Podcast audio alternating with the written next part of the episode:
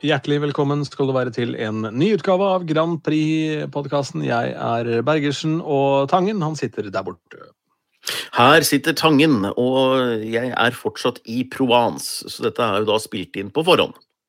Det er det, så hvis verden har ramla sammen, så um, vet ikke vi noe om det når vi spiller inn denne episoden. Eh, men vi får jo Men om verden ramler sammen, så fortsetter vi med Grand Prix-podkasten. Det er liksom sånn, det er det siste Ja. som ryker. Ja. Ja, siste, siste skansen er den der podkasten her, ja. ja. Det er i så fall litt trist å tenke på, men det er noe så.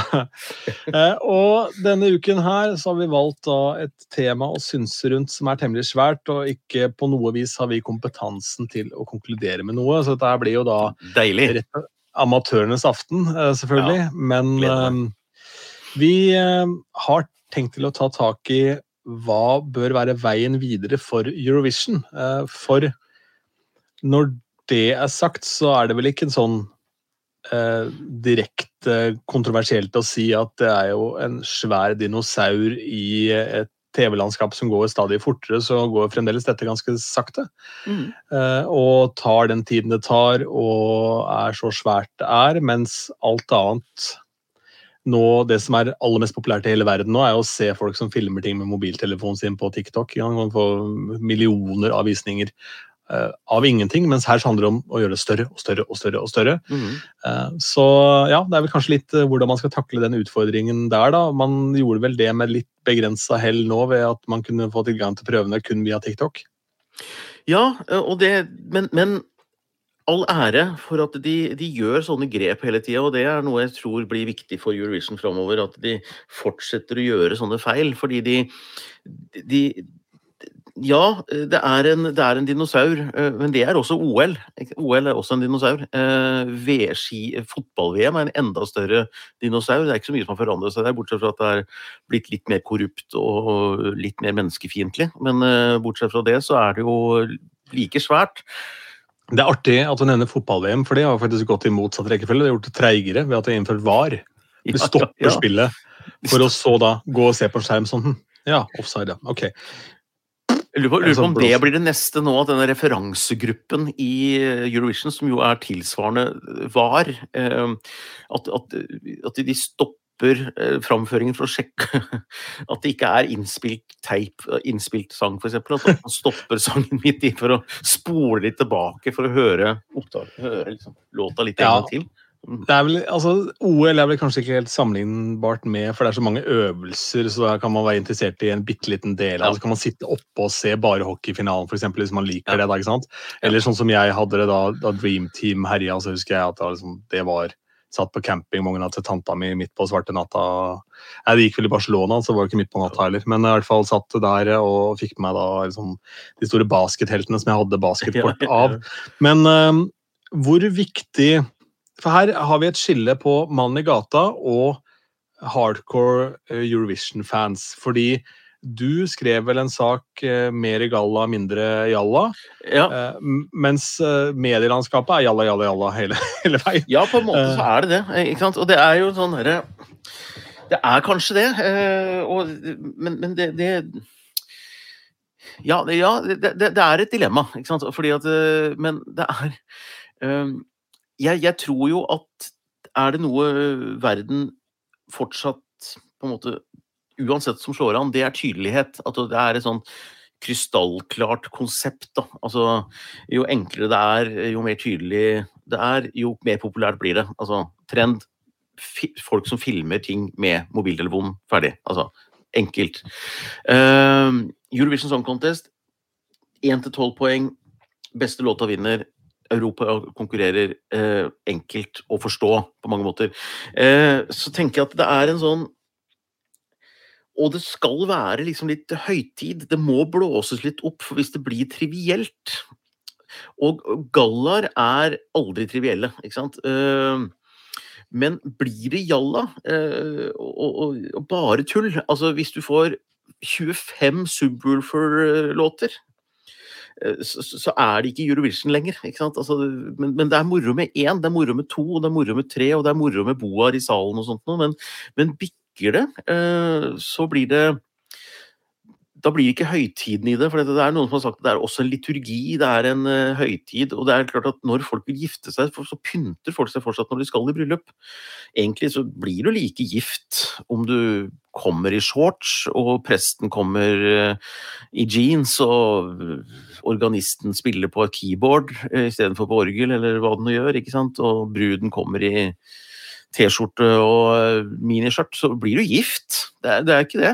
Men, men, men, folk ønsker Fordi bryllup har vært bestandig det samme, og, og, liturgien i Eurovision tror jeg er viktig. Eh, og den er litt sånn gallabasert. Du må holde på det, for blir det jalla, så blir det også trivialisert, for da blir det nilleglitter, ikke sant. Og det det må være larger than life, da tenker jeg. Det... Jeg er altså imponert over at det holder seg såpass godt med tanke på varigheten av dette TV-showet. For det er egentlig helt absurd at det skal klare å fange folk over så lang tid.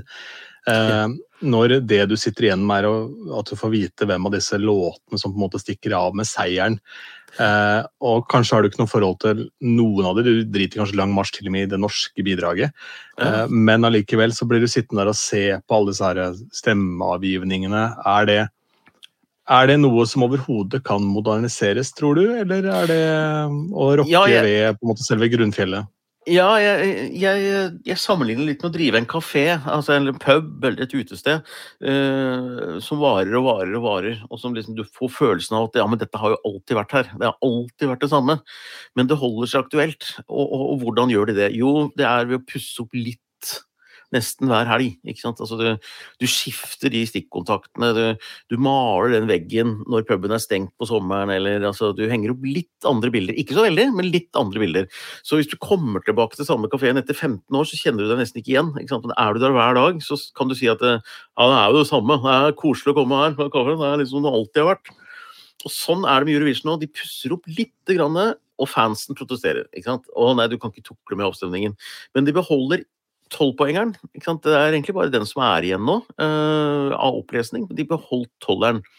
Og så blir disse én til ti blir jo nå gitt bare digitalt. Så det har jo vært veldig upopulært hos mange. Men du skal Du beholder disse her eh, ansiktene som kommer fra ulike land, for at du får følelsen at landet ditt er representert, selv om du ikke er i finalen. Du har en eller annen som leser poeng, ikke sant? da føler du eierskap til det hele. Og de beholder tolleren. Så jeg tror hemmeligheten er å beholde elementer, men tukle ganske mye med mye av det andre for å holde det moderne. Og det har Eurovision vært utrolig gode på. De er jo i forkant når det gjelder sceneproduksjon, og de er uh, i forkant på uh, Eh, også når det gjelder å skape spenning. For jeg, jeg kan ikke tenke meg at de, det teamet som produserer dette her, ikke har analyser på hvordan du holder på seere, hvordan du bygger dramaturgi, og hvordan du eh, forteller den historien som gjør at du trekker folk inn i det. Da. Uh, så eh, men, De tukler nok, men ikke for mye. Ja, altså nå er det jo noen år mellom deg og meg, men jeg tenker da de som er 15 år yngre enn meg igjen. Sant? Nå er jeg 36. Eh, mm. De som nå da er 20. Eh, hvordan fanger man de? Fordi eh, de Altså, for å ta et eksempel fra min egen hverdag, da. Så idet jeg spiller i et bryllup for unge mennesker nå, så spiller jeg ett vers, ett refreng. Ja. Og hvis jeg spiller hiphop eller sånn R&B-ting, så spiller jeg bare refrenget refreng, eller hook, hook, hook, hook. ikke sant? Bare hamrer de i hverandre. Fordi det, det eneste de kan, er det allsangrefrenget. Eh, og vers nummer to faller alltid på steingrunn, så jeg må ut av låta før på en måte, det verset kommer. Eh, da må det skje noe nytt og spennende for å holde oppmerksomheten deres. da. Eh, og der har jo egentlig Eurovision eh, i nesten all tid vært litt framme i skoa, for de har hatt en limit på hvor lange sangene kan være. Men nå er det jo sånn at uh, dette er jo en todelt greie, for det handler jo også om jo kortere sang, jo flere ganger blir spilt på repeat på Spotify, og for det mer penger får du. Um, og jo kortere sang, jo større sjanse for at folk faktisk uh, får den med seg. Og uh, det er lettere å få klemt den inn i en radiospilleliste, for du kan legge inn en ekstra låt med tanke på at du har plass til flere sanger i timen. Det blir jo altså helt baluba nå hvis det dukker opp en gammel slager, f.eks. 'Comfortably Numb' eller et eller annet i en av timene nå med Ja. moderne musikk.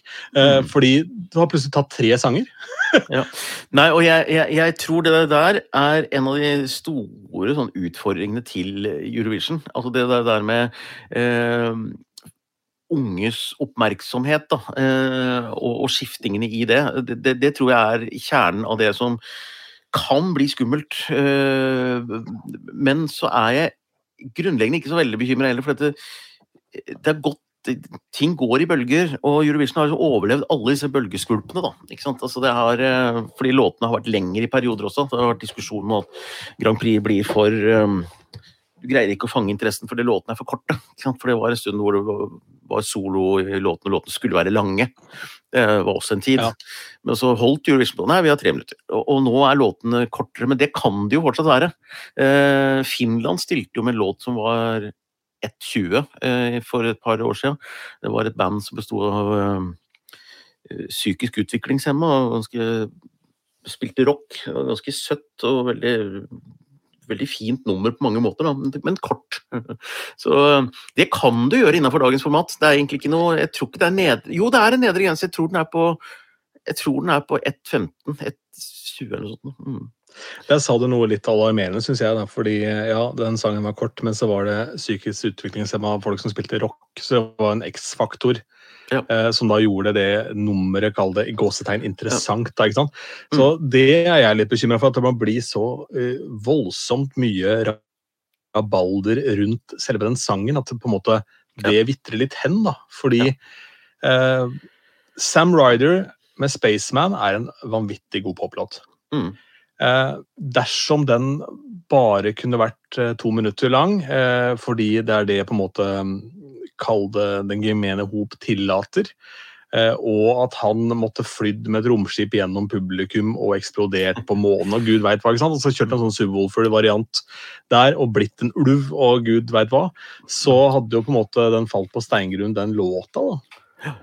Nei, og det er jo Eurovision er jo for unge, og det er jo for eh, voksne, og det er for eldre. ikke sant? Og eh, nå spiller jo du for alle slags grupper, og, og, og det er en annen setting. Det, det skal danses, og det skal eh, festes. Ja, Og, og, og Eurovision har også et ganske betydelig antall publikummere som sitter og ser på sendinga aleine. Sitter og koser seg, ikke sant. Og, har tid til å høre på låter og, og gå inn i det.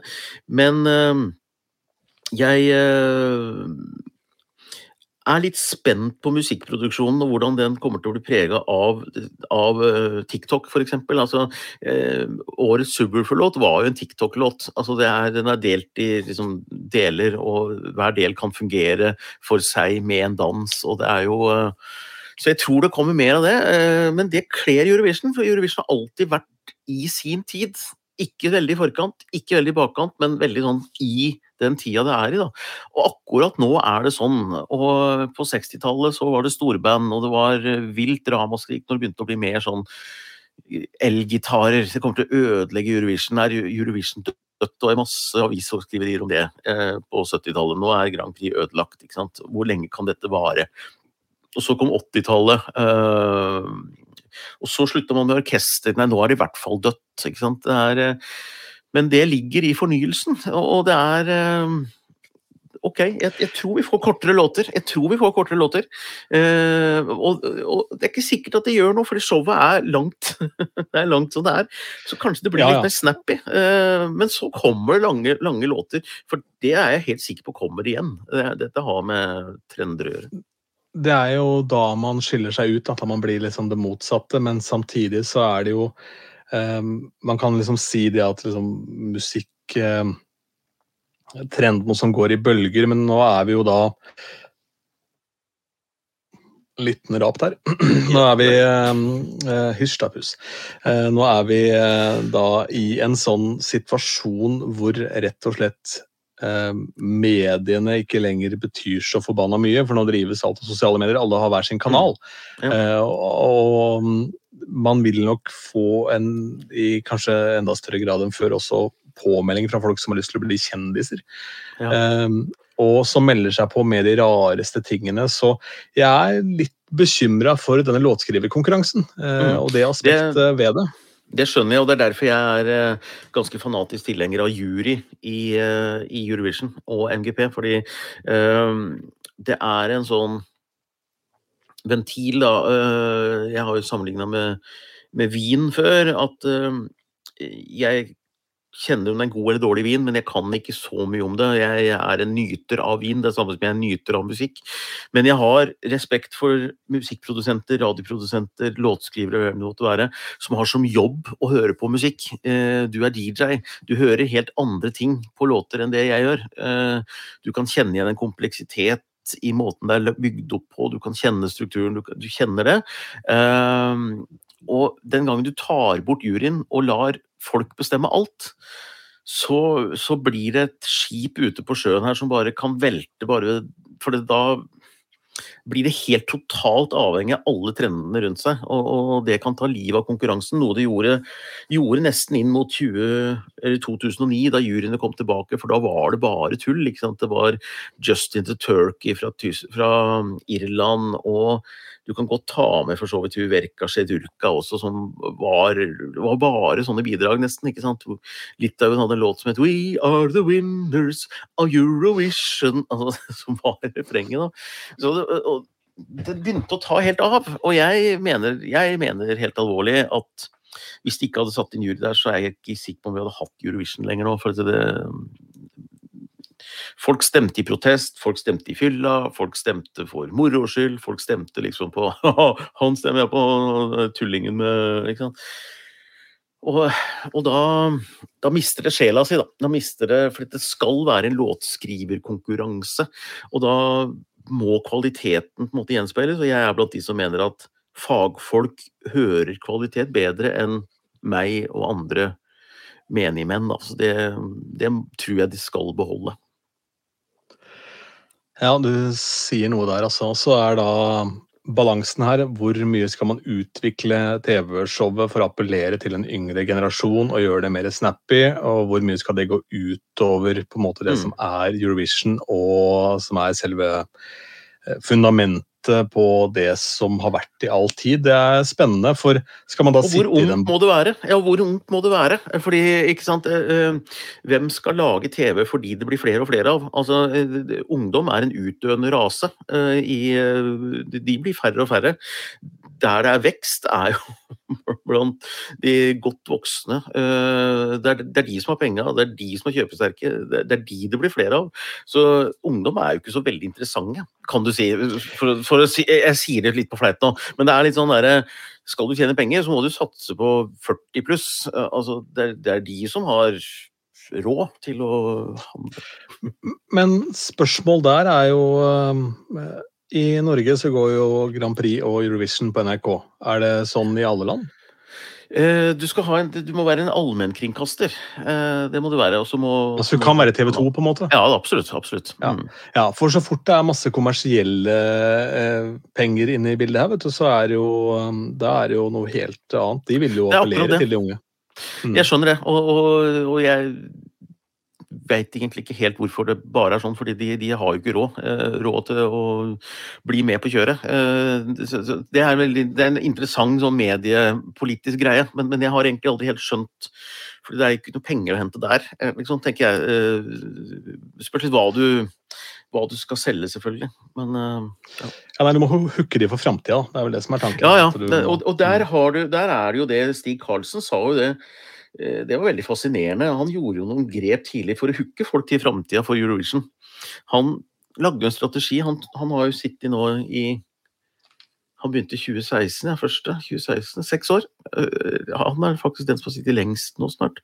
Eh, hvor han tenkte langsiktig for å trekke unge inn i og han, Og nå reiser jo MGP-redaksjonen rundt og holder foredrag for å fortelle hva er det de har gjort for, å, for nettopp å fange de unge. fordi MGP har vokst, og da snakker jeg om det norske MGP, Eurovision vet jeg ikke noe om, det har vokst mest blant de unge.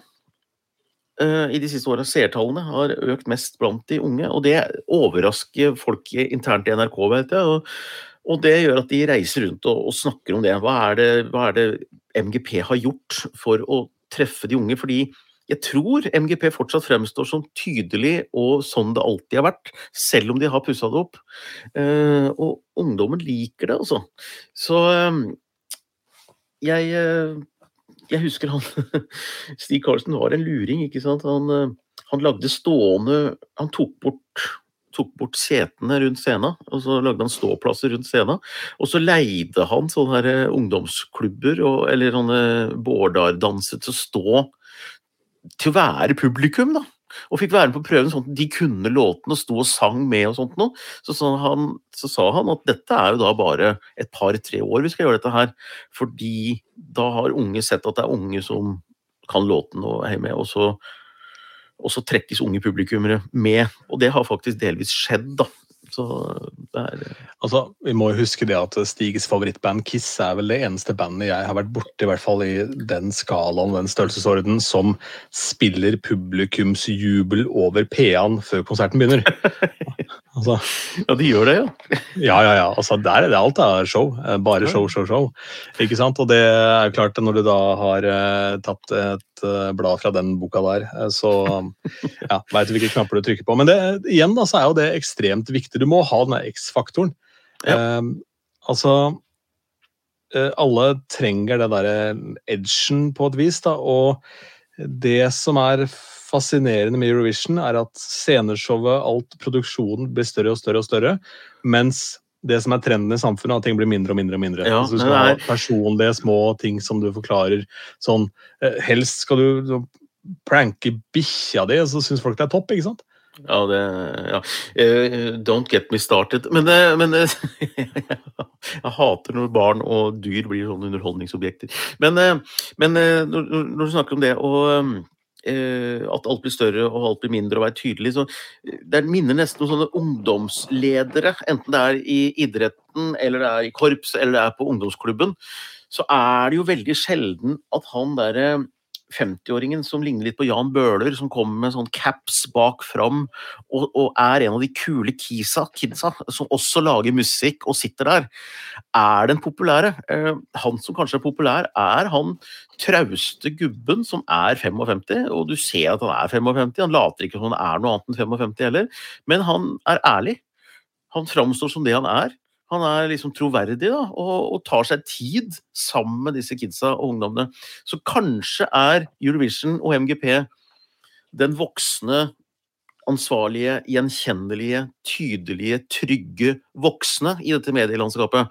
Og den gangen Eurovision blir denne altfor hippe, kule ungdomslederen, så faller du gjennom, for det, det, det, er ikke troverdig lenger. Da, ikke sant? da ligner det på alt mulig annet. Så Kanskje det mm. er greit å være litt tantete? Det er, det er jo ingen andre som streber etter den posisjonen å være tanta, da.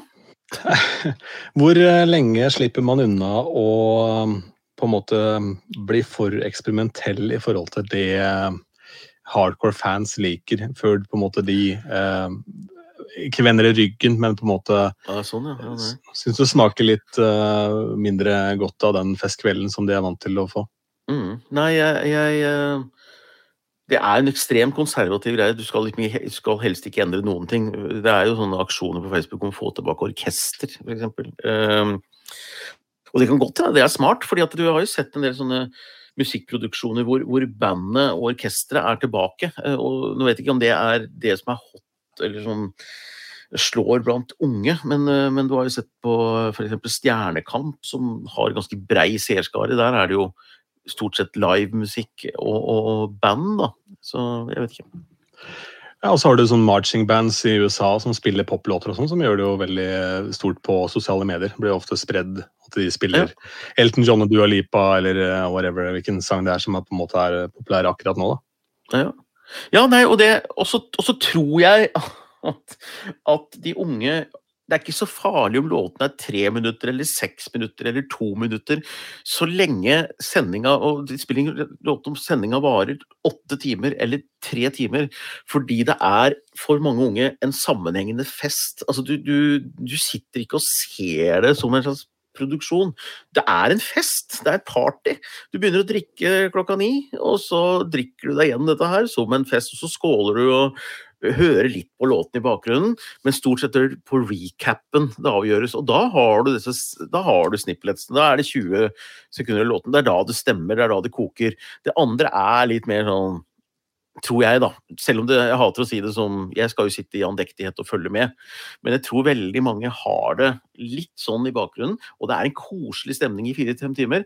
Å gå på en pub, da, eller gå på en fest, gå på et utested Fire timer er jo ikke spesielt lenge å være der. Hvis du kommer dit klokka ni og er der til to, så har du vært der tre timer. Er du der til tre, så har du vært der fire timer. Og det er den tida en sending varer. Så jeg tror på en måte du skal se det også litt som at den tida det tar, det er den tiden det tar å gjøre en fest. Jeg tror veldig mange har Ja. det sånn. Ja, det er ikke noe tvil om det. Altså, det, blir jo, det blir en sånn kveld hvor man har noe knaggede på, da, ikke sant? og det er veldig, veldig greit. Um, Ja, og de som ikke har det, får underholdning allikevel. Altså, du, du kan sitte aleine og nyte det hele på en annen måte, men du kan også ha det på i bakgrunnen som en sånn Og så stemmer du ut ifra recapen. Um, men det jeg tror er eh, vanskelig å unngå, men som kan ta litt drepen av det, det er disse her pause, pauseshowene som de må ha for å telle stemmer og det, det er liksom ja, men der tror jeg løsning, løsningen er og at det går ut til folket på et vis. At det blir en slags eh, en sånn stafett hvor man eh, reiser og besøker folk der de er. og ja, Litt sånn som eh, de gjorde i Oslo, rett og slett. Mm. eh, med, med Madcon og Glow. Altså at det blir en sånn greie hvor man får eh, ta del i folks Eurovision-hverdag, fordi alle liker jo alle liker å se folk ha det hyggelig, alle liker å se folk berørt og, og, og ja, altså syns ting er fint. Så hvis man klarer å finne en sånn knagg, en sånn kall en challenge, da, som alle Ja. på en måte er med på, altså litt à la den derre flashmobben. Og så tror jeg det er en lengsel hos folk til felles opplevelser. Altså I denne tida hvor alt er med kort og alt er eh, eh, Så tror jeg det er en lengsel eh, mot eh, å oppleve ting sammen, enten det er en fotballfinale eller det er et Eurovision. Så jeg tror at noe av det som kan komme til å overleve veldig bra, er disse, nettopp disse store eventa som nettopp disse idrettsarrangementene og Eurovision. Det jeg er litt mer usikker på, det er jo om eh, om det kommer til alltid til å forbli et TV-program, eller om dette blir en sånn stor eh, et stort YouTube-event etter hvert. Altså at det blir mer et nettevent som du kan eh, det, det handler egentlig bare om hvilken skjerm du ser det på? Men, eh, men at det på en eller annen måte kommer til å samle folk, sånn som e-sport gjør, altså det, hvor folk sitter, og, sitter på store arenaer og ser folk spiller ting på en skjerm. Det er jo også ganske langsomt, kan være. eh, Så, men det samler folk. Og det er også litt fascinerende hva som skjer i musikkbransjen sånn generelt, altså i selve liksom musikkindustrien akkurat nå. For det har nylig kommet en ny låt fra Beyoncé, eh, og så har det kommet en ny skive fra Drake. eh, Og begge de er liksom lokomotiver. Ja. Og så har du en av de store låtene som kom tidligere i år, det er Lisso, hvor alt på en måte jeg vil si at det er litt sånn organisk klubbmusikk. Vi er liksom Ja. tilbake til, til den um, pianohousen, da, skal vi kalle det det, som på en måte var stor på 90-tallet. fordi det har vært en periode nå hvor det har vært ja, veldig mye sånn skitne, veldig lite organiske lyder. Altså alt har vært liksom eh, trommemaskiner, og så dette trap-kjøret og, og twerking og sånn, hvor liksom alt har vært tunge, tunge beats. Eh, og det har liksom ikke vært noe instrumenter å spore i det hele tatt. Mens nye Beyoncé-låta så har du på en måte en sånn pianohook som er der. Samme med den Drake-plata, som, som er en, rett og slett en, en eh, Ikke EDM, blir helt feil å kalle det, men sånn, kall det en dansbar eller en klubbskive, da, rett og slett. Ja, ja, ja. Eh, til fansens store forskrekkelse, for de forventa jo en hiphop-skive men, no- men noe helt annet. Og så gikk jeg for moro skyld nå og googla litt her, og fant uh, Uh, Om den er offisiell eller ikke, vet jeg ikke, men det er i hvert fall listen over eh, de mest solgte eh, albumene i USA fra 2010-tallet. Eh, og den gir jo grunn til håp, da. fordi da har vi en dobbel Adele med 21 og 25, og så har vi 1989 med Taylor Swift, Speak Now og Taylor Swift, og så er det Eminem. Så soundtracket til Frozen, Lady Antebellum, som er countrypop. Så det er jo fremdeles i hvert fall det som selger sånn rent eh, fysisk og sånn, er jo i hvert fall eh, organiske ting. Og problemet og utfordringa til Eurovision er jo at TikTok og sånn driver jo hits, men det går jo rett opp og rett ned. Og så her Mm. skal man på en måte holde interessen rundt noe over så lang tid. Eh, at Hvordan kombinerer man disse to? Hmm, Mm. spennende. Ja, det er veldig spennende. Og, og, og så er det jo noe med det at eh, jeg, jeg husker da, da Bergensbanen minutt for minutt skulle gå på NRK. Og så husker jeg at eh, folk som vanligvis har en slags sånn puls som er litt kule, da, eh, plutselig blei veldig gamle og veldig sånn teite. Eh, Atle Antonsen og Johan Golden og veldig mange folk som jeg har kjemperespekt for, har en slags sånn kontakt med eh, hva som skjer nå, da. De gikk liksom ut og blei sånn derre Litt sånn Rolf Wesenlund som var sur på standup, på en måte. Altså fordi at uh, vi holdt med standup, det er ikke morsomt, og han var liksom litt han, Jon Skolmen han omfavna det. Han, han lagde standup-show selv, han. ikke sant? Det er jo bare gikk inn i den verdenen der. Mens Atle Antonsen og alle de, de, de var sure på at Bergensbanen minutt for minutt hadde så høye seertall, at folk likte å sitte og se på sakte-TV. Og det var fordi de, de, skjønte det ikke. Altså, de, de, de kunne ikke skjønne, og, og det har jo blitt en voldsom suksess. Og jeg vet ikke om det er unge eller gamle eller hvem som ser på det, men de traff altså en slags nerve da med utrolig langsomt TV, og at du kan hvile i en tilstand over tid. da. Uh, og det er liksom NRK har vært en foregangs... Og de holder jo seminarer om hva er hemmeligheten bak dette her, ikke sant. Og, og Eurovision er kanskje litt sånn musikkens sakte-TV, da. Eh, og god merkevarebygging er jo å være unik, og det er ganske unikt å holde på fire timer, masse, flere uker med prøver og et engasjement rundt et TV-show. da, Så kanskje det er Kanskje det svarer på en slags sånn lengsel som en del forstår seg på og ikke helt skjønner. Mm, jeg vet ikke. Disse sakte-TV-tingene dukka vel også opp da i en tid på en måte før sosiale medier hadde fått liksom turboen Altså før det gikk full Reodor Felgen-mode, skal sies, for nå går det jo Ja. ekstremt kjapt. Og eh, det er jo bare noen måneder, eller kanskje et år siden, at eh, YouTube bytta til det som heter shorts også, hvor de også fokuserer på at du skal legge inn korte videosnutter. Ikke sant? Så Mm. alt uh, drives jo mot dette korte, men jeg tenker at på et eller annet tidspunkt så må det snu. Ja, ja. Uh, og igjen så har du de som har millioner av visninger på at de går ut i skauen, og så hogger de et tre.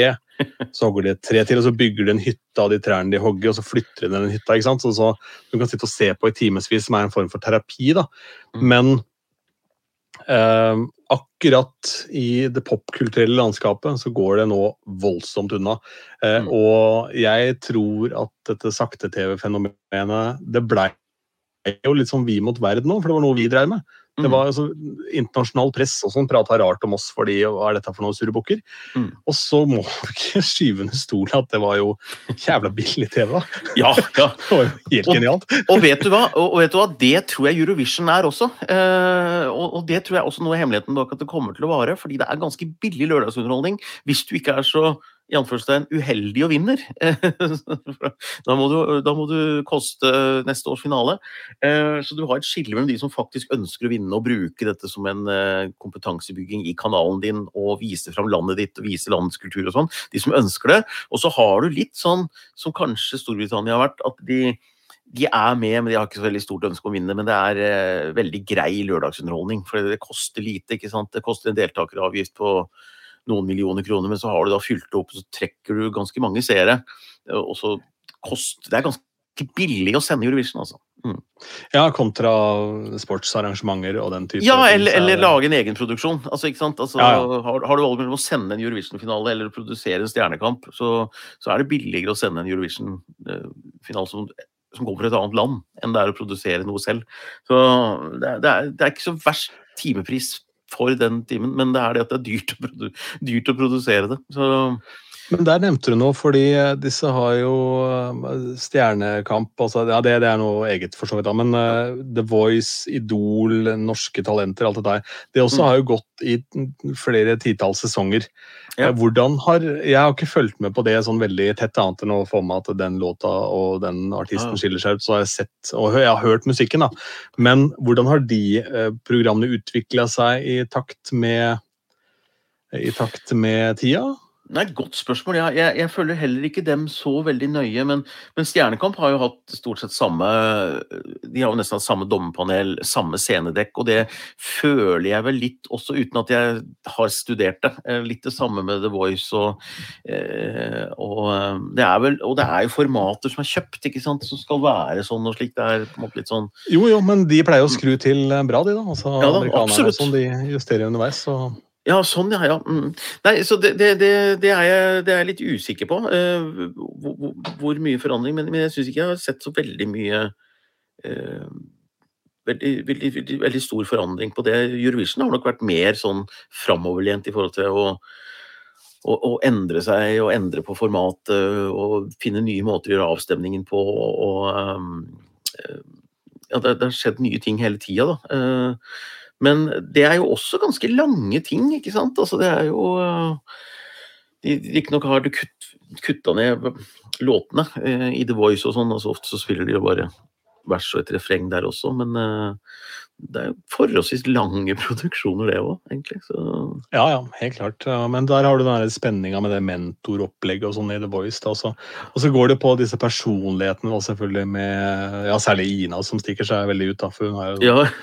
ja, voldsomt bein i nesa. Og, mm. Ja. Men du trenger jo de der eh, profilene som er der, og det er jo kanskje også en ting som blir litt sånn Eurovisions utfordring, at det er en ny cast hvert år. Eh, ja. Så det er, det er utfordringen, og det, og det, er også det som gjør at det, gjør at det er litt annerledes enn de andre. Da. Og det er liksom sagt, jeg har sagt at Den dagen det sitter tre sånne dommere i Eurovision eller eh, eh MGP, da, da, da, vet jeg ikke om jeg gidder å se på det. For da, da, har det blitt som alle de andre. Og da er det egentlig ikke noe stort poeng med det mer. Altså Det er liksom sånn det skal være et show som er rent, og så, og så er det jeg alene som avgjør det, sammen med en litt sånn hemmelig jury som sitter spredt rundt omkring i Europa og begynner å tukle med det, så, så er jeg redd for at da, da, da begynner å ligne på Idol, som er, som er en annen greie, og som har jo, lever godt i symbiose med MGP, i hvert fall. Eh, og delvis Eurovision. Det er jo flere og flere artister som liksom rekrutteres til MGP fra nettopp The Voice og fra uh, Idol og sånn. Og noen sier jo da at det å være med MGP og Eurovision er liksom det største de kan oppleve, men samtidig syns de det er så gøy å være på Idol og The Voice fordi det går over så mange uker. Det blir en slags leirskole. Og du er på prøve flere og flere uker. ikke sant? Og mm. Eurovision er jo ikke på den måten. Men uh, Nei, absolutt ikke. Men uh, samtidig så føler jeg også at Eurovision har kanskje også, eller Melodi Grand Prix først og fremst, har kanskje også en åpning for den artisten som står der med kassegitaren. Det har den. Og, ja. og, og, og, du må ikke slutte å ha gule ulver eh, og, seriøse rumenere som står med englevinger eller for så vidt Tix eller hva det er. Altså, vi, vi, vi, trenger de raringene, men, men, men, du må også ha noen fine låter innimellom. Ikke at Superfree ikke har fine låter, men altså, det, er, det, er, jo rart. Primært så er det rart. men du må ha noen Eurovision er ikke troverdig hvis de ikke greier å skape hits i det hele tatt. ikke sant? Altså, så Måneskin i fjor, det var jo ikke spesielt skal vi si, rart, eller spektak altså, Det var jo spektakulært, men det var jo ikke rart, liksom. Det var jo ikke det. det nei, nei, det var egentlig ikke så veldig spektakulært heller. Det var nei, nei. Helt, OK, helt OK rockeband med noen kostymer og noe greier, men det har vi sett mange ganger før. Men uh, det som var spektakulært med Måneskin, er at de hadde flere hits i sekken som de pumpa ut, liksom. Ja, I tillegg ja. til den låta så hadde de den Beggen-coveren, og de hadde den derre uh, I'm Your Slave-varianten. Ja, ja. Um, og ja, det har vi ikke sett på veldig lang tid. da. Det er lenge siden en Eurovision-artist hadde på en måte flere kanoner eh, klare. Ja, i grunnen, men, men så det er riktig. Eh, og så har du fått litt sånn forsinka reaksjon, sånn som Arcade med Duncan Lawrence. Har jo blitt en mye større hit i etterkant. Eh, og den, den, har, den, har, Jeg husker ikke helt nå hvordan, men den har liksom gått ut og inn av listene. Og det var Senest i fjor så gjorde den en sånn ny revival. Så den låta lever. Og det er det, ja, det er takket være TikTok, ja. Ikke sant? Så, som da som bruker den sangen i en eller annen setting. Altså, det er jo det som er fascinerende med det. fordi du får en sånn resi... Det er derfor ABBA igjen er populært. Altså, ja. I Norge drevet hardt av Mamma Mia, selvfølgelig. Jo, eh, apropos, det minner meg på det, vi må ta to år Mamma Mia før vi gir oss her. Eh, men, men, det er eh, ABBA-hits som dukker opp gjennom der, og så oppdager man jo da sanger som ikke man visste fantes. Eh, ref også denne TV-serie nå med, med Kate Bush uh, og, Ja. og uh, all, all den biten Stranger Things. Ja. Er Stranger? Things, ja. Ja. ja. Hvordan man da konsumerer musikk på en annen måte. Og så er det All musikk er tilgjengelig. ikke sant? Altså, den gang da jeg vokste opp, så måtte jeg da gått til platebutikken for å få tak i en CD-singel, eller en CD med Kate Bush på. ikke sant? Uh, og det hadde jo ikke vært aktuelt. Um, jeg husker jo enda, eller det vil si jeg husker ikke. Jeg husker eh, det var en TV-serie som hadde en utrolig fin sånn teamsong. Jeg har aldri funnet den igjen. Eh, men den skulle jeg gjerne hørt igjen, den sangen. Men jeg husker ikke hva serien het. Jeg bare Ja, ja. Gikk den på TV Norge, gikk den på TV 2? Jeg tar pokker. Ikke sant? Mens nå er jo Du kan shazamme alt hele tiden. Du kan sette shazam på fast. Altså Mm. bare lytte. Så all Ja. musikken du hører, bare forsvinner inn i en database. Ja, Men eh, du nevnte for noen uker siden at Ulrikke eh, var eh, eh, ikke hadde lokka døra for å gjøre noe neste år. Nei, hun har ikke, bare, eh, ikke, lukka døra, men hun har åpna den veldig. Men så kom Mamma Mia, ja. Ja, eh, det er jo fra og med mars 2023. ja nye runder. Så da, da er nok ikke hun med i MGP 2023, nei. Men eh, da blir det vel 2024, da. Ja, for Hun ga jo ut ny musikk nå i, i mai i Ja. år, så det, den, den spiller vi en del på, på P1. Og det er jo fin, fin låt. Og, men eh, Ja, nei, kanskje 2024, da. Men, Ja, nei, men altså, jeg, jeg kan ikke se at eh, Fordi hun vil gjøre ting såpass skikkelig at hun greier ikke å kombinere eh, MGP og Eurovision med en ny Mamma Mia-sesong. Det, det går ikke. ikke. Ikke sånn som hun vil gjøre det. Uh, Du kan greie å delta for å vise det fram på lørdags-TV hvis du ikke har ambisjon om å vinne, men hun er ikke med i MGP for å vise fram en ny låt og la det være med det. Uh, Da skal hun Hun, hun jeg tror hun setter av tid til både å vinne MGP og Eurovision hvis hun først skal gjøre dette her. Så, og da venter hun nok til 2024. Så jeg, da jeg leste det, så slo det meg også at ok, da blir det ikke et Ulrikke neste år. Men jeg har sett Stig Karlsen i det siste har lagt ut flere sånne Insta-greier hvor han står sånn eh, Lang dag med Han skriver på engelsk, da, men eh, med artistmøter. Også hashtag MGP2023, da.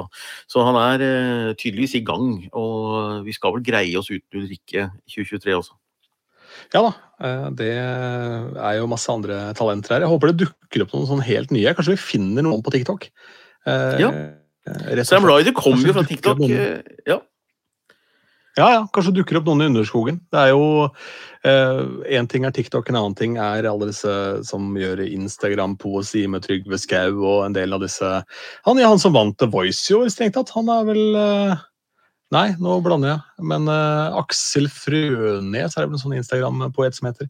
Som også gikk langt i en av disse konkurransene her. Så det er eh, mye, mye flinke folk i, i anmarsj. Uh, skal vi si det er uh, greit der? Det er et eller annet rart med at når vi skal spille en episode på forhånd, så blir det dobbelt så lange som hva som er tenkt. Ja, Men, eh, ja. Ja. Men, eh, men, men de som gidder, har hørt, og de som ikke gidder, de har tatt sommerferie, sånn som vi har gjort. Så det er, det er helt kult. Men konklusjonen er at jeg har trua på Eurovision fordi de er såpass tilpasningsdyktige og er såpass sterke og tydelige i karakteren at eh, det vil fortsatt være en behov for en eh, denne ungdomslederen, som jeg sa, da, eh, som er eh, tydelig og litt tantete og litt gammeldags og trygg. Og jeg tror også at unge, gamle, hippe, kule, ikke-kule bygdinger, byfolk, ønsker seg noe som er litt sånn som det alltid har vært. Altså, 17. mai-tog blir liksom aldri utrendy. Jeg hørte en eh, DJ fra USA som er DJ for eh, Eller Canada ble vel, for han er DJ for Toronto Raptors, som er et eh, basketballag, tror jeg. Um, og han har vært det i 17 år. Han sa det at artister, altså Drake eksempel, hører han jo ikke noe fra, for hans musikk spilles overalt. Men idet det dukker opp en video av at en av sangene til en up and coming-artist blir spilt på en fotballstadion eller en basketballstadion, så får den DJ-en en melding fra artisten fordi de syns det er så stas. Da. Det er det samme med Eurovision, så har du som verdens største scene Ja. med verdens råeste produksjon. altså Sky's the limit, alt er mulig. Eh, hvis du klarer å la være å ha fossefall, så er det helt topp, liksom, men eh, vi prøver gjerne det også.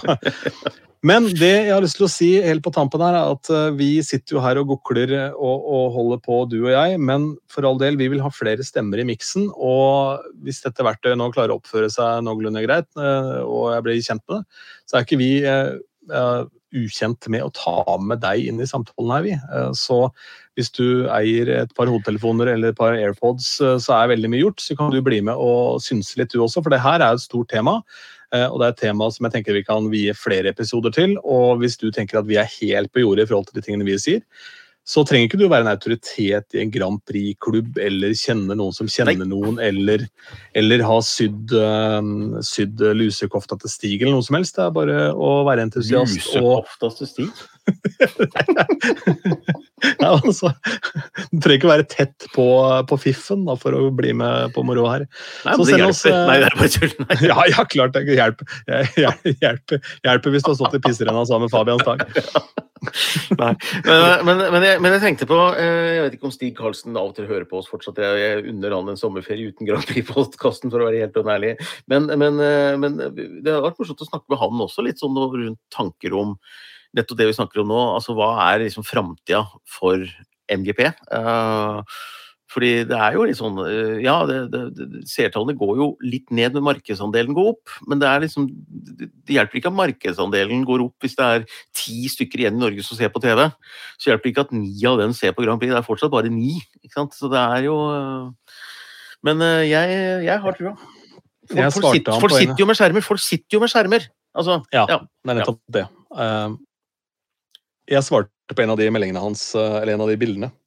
For da var han kledd i sort fra topp til tå, så jeg skrev også skal du på en Johnny Cash look-alike contest etterpå. Og da fikk jeg svaret at uh, det var den store planen. Ja. Han ønska meg god tur til Zürich med, med, Kiss, så jeg tenker at vi huker tak i Stig, og så tar vi det når det passer for han. og han er helt sikkert interessert i å dele de tankene, for det er garantert noe han har brukt mye tid på. Det er jeg helt sikker på. Mm. Bli med på moro, da. Eh, hei at grandpripod.no. Det er e-posten vår. Det er bare å bruke den uh, flittig. Altså, du kan ja, du kan spamme oss alt mulig rart òg, men uh, jeg er bare gira på å få litt e-poster. Så bare bli med på, på, dialogen her. Vi har jo tenkt på om vi skulle laget noe mer opplegg i sosiale medier, men jeg har kanskje mer nok med det vi surrer med fra før, så det skal holdes ved like også. Da må vi ha noe moderat og sånn, og det tror jeg ikke blir noe av. Og vi blir lenger så... og lenger og lenger, vi også, akkurat som Eurovision. Nå er vi på 46 minutter. Så... Ja, ja, ja, jeg tenkte jeg skulle dra det over timen nå. Ja, nå har vi brukt 46 minutter på å snakke om at alt skal bli kortere og kortere, for folk skal være interessert. ja, ja. Er det noe som kan bli lenger, så er det vel dette her. Herlig. Anders, eh, fortsatt god sommer. I like måte.